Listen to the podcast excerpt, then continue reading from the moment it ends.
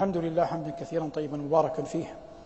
وأشهد أن لا إله إلا الله وحده لا شريك له خالق الكون بما فيه وجامع الناس ليوم لا ريب فيه.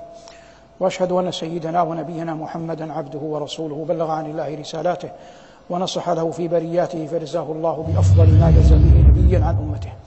صلى الله وملائكته والصالحون من خلقه عليه كما وحد الله وعرف به ودعا إليه. أيها المباركون درس هذا المساء عنوانه العين. والعين جارحة معروفة. ذكرها الله عز وجل في كتابه ممتنا على عباده بقوله ألم نجعل له عينين ولسانا وشفتين. ولما ذكر الله عز وجل ما أعده لعباده الصالحين في جنانه قال وحور عين فحور جمع مفردها حوراء وعين جمع مفردها عينا مفردها عينا ومعنى عينا المرأة واسعة العينين في جمال معنى عينا المرأة واسعة العينين في جمال. قبل أن نأتي للآية التي نريد الحديث عنها نقول كان الناس وما زالوا متفقون على أن العينين من مما يأسر الرجل في المرأة. قال جرير إن العيون التي في طرفها حور قتلنا ثم لم يحين قتلانا. أهل الصناعة الأدبية يقولون إن هذا أبدع بيت قالته العرب في الغزل. هذا تصنيف أدبي. ويقولون أن أكذب بيت قالته العرب. قول مهلهل ربيعة ولولا الريح أسمع من بهجر صليل الخيل تقرع بالذكور فهو يتكلم عن حرب كانت في بادية العراق ويقول إن الريح حالت بين أن يسمع من في نجد صليل السيوف التي تقرع في العراق. هذا قول فيه مبالغة لكن مبالغة عندهم ممجوجة يعني غير مقبولة. فعدوا هذا البيت أكذب بيت قالته قالته العرب. نحن نتكلم الآن عن قضية العين حتى نصل إلى المقصود. الله جل وعلا إذا رأيت الناس في أعينهم ينقسمون إلى ثلاثة أقسام. رجل سليم صحيح العينين ورجل إحدى عينيه سليمة والأخرى بها عور ورجل كتب الله له ألا يبصر بهما وأجر الله عظيم والابتلاء في هذا شاق وكل هذه الثلاثة وجدت في الصحابة. فعبد الله بن ام مكتوم رضي الله عنه وأرضاه كان أعمى. وهذه تسمية القرآن له. ربنا يقول عبس وتولى أن جاءه الأعمى. فقال ربنا ليس على الأعمى حرج. وأما من بعينيه عور فإن المغيرة بن شعبة الثقفي رضي الله عنه وأرضاه من الحروب التي خاضها والمقاتلات التي شارك فيها قلعت فقعت إحدى عينيه فأضحى باصطلاح اللغة يعني أو أعور. وأكثر الصحابة جلهم صحيح العينين. الآن بين. الذي نريد أن نناقشه الآن قضية فقهية. فنحن في دروسنا نفرق. في كل حلقة في كل لقاء نحاول أن نسلك سبيلا. ربنا عز وجل يقول وكتبنا عليهم فيها أن النفس بالنفس والعين بالعين. والأنف بالأنف والأذن بالأذن والسن بالسن والجروح قصاص. من تصدق به فهو كفارة له. كتبنا عليهم على من؟ على بني إسرائيل. فيها أي؟ في التوراة. فيها يعني أين؟ في التوراة. لكن هذا محمول على أن شرع من قبلنا شرع لنا. مسألة وصولية معروفة لكن هنا اتفق العلماء على أن هذا شرع لنا.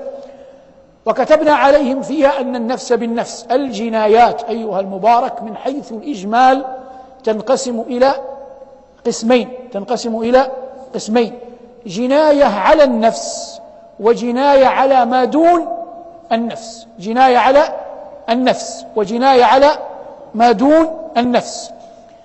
فقول الله عز وجل وكتبنا عليهم فيها أن النفس بالنفس هذا حديث عن الجناية بالنفس وليس هذا حديثنا. وليس هذا حديثنا. نحن حديثنا عن العين.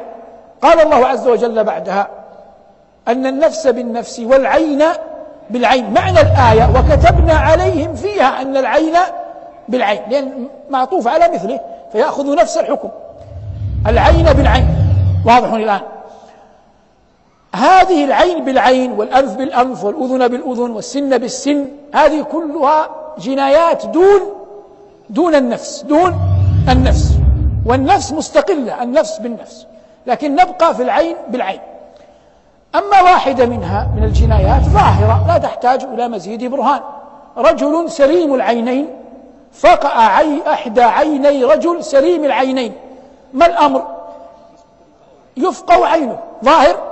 هذه لا إشكال فيها ولا تحتاج إلى مزيد توقف. لكن الإشكال أين يأتي؟ يأتي لو أن رجلا إحدى عينيه سليمة والأخرى عوراء لا يرى بها البتة. ففقع عيني رجل سليم العينين. ففقع عيني رجل سليم العينين. ما الحكم؟ واضح الآن؟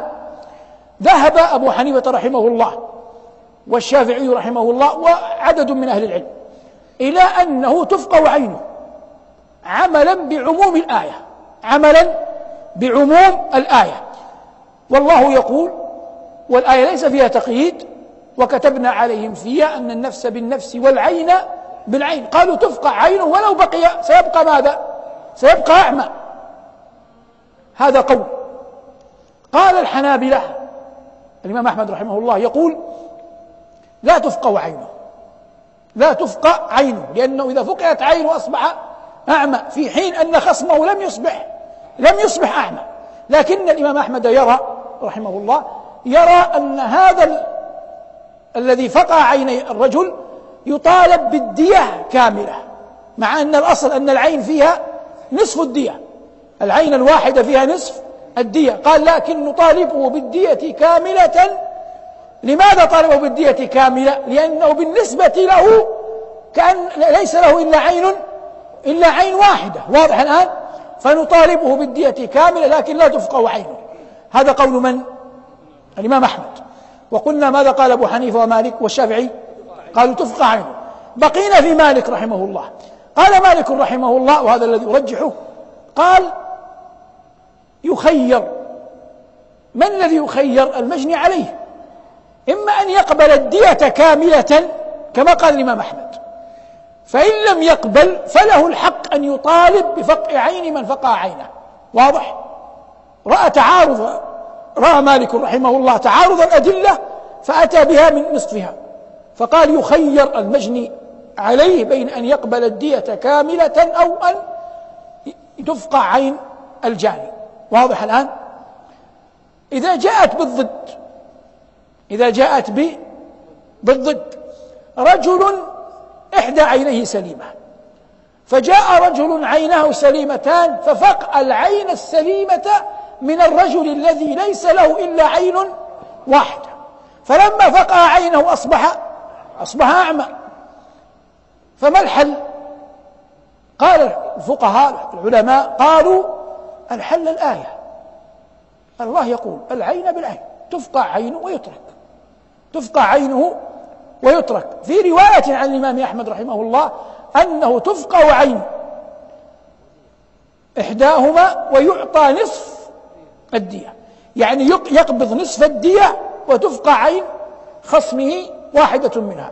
لكن لم يقل أحد فيما أعلم لم يقل أحد من الفقهاء فيما أعلم أنه تفقع العينين لم يقل به أحد.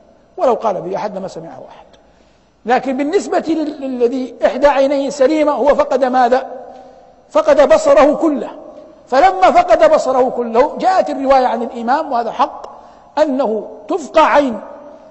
الجاني فيعني يستريح نفسيا ثم يعطى نصف ثم يعطى نصف الدية والعلم عند الله.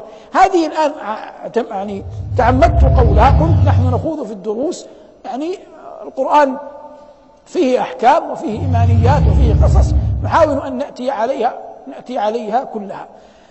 هذا ما يتعلق بالأحكام الفقهية. ثمة أحكام فقهية في غير الجنايات. وهي قضية أن الله عز وجل أمر المؤمنين أن يغضوا أبصارهم. والأول يقول وأنت متى أرسلت طرفك رائدا؟ كذا أتعبتك المناظر. رأيت الذي لا أنت قادر عليه ولا عن بعضه أنت صابر. والإنسان عقلا ونقلا. لو أطلق بصره سيتعب كثيرا. لأنه ليس كل شيء يراه يقدر يقدر عليه. فأمر الله المؤمنين أمر الله المؤمنات بأن يغضوا أبصارهم ويحفظوا ويحفظوا فروجهم. هذا ما يتعلق بالعين في الأوامر والنواهي. جاءت العين في شرفها لصاحبها شرفها لصاحبها. قال صلى الله عليه وسلم عينان لا تمسهما النار. عين باتت تحرس في سبيل الله وعين بكت من خشية الله. وعين بكت من خشية الله. والسعيد من جمع الاثنتين قطعا. السعيد من جمع الاثنتين. لكن إذا تعذر أحدهما إذا تعذر أحدهما فلا يترك الإنسان ماذا؟ الآخر. فلا يترك الإنسان الشيء الآخر. يوم القيامة يحشر الناس. لكن أهل الضلالة تلك الأعين التي آتاهم الله جل وعلا إياها فلم ينتفعوا بها تسلب إياهم بالكلية تسلب منهم بالكلية. قال الله عز وجل ونحشرهم يوم القيامة على وجوههم عميا وبكما وصما مأواهم جهنم كلما خبت زدناهم سعيرا. فيحشرون كما قال الله عز وجل عنهم أعاذنا الله وإياكم. قال ربي لم حشرتني أعمى وقد كنت بصيرا. قال كذلك أتتك آياتنا فنسيتها وكذلك اليوم تنسى. وهذا عياذا بالله نسأل الله لا نكون من أهله. ثم بعد ذلك الناس في أرض المحشر ويحشرون حفاة عراه وجل الخلق بجبلتهم بطبيعتهم.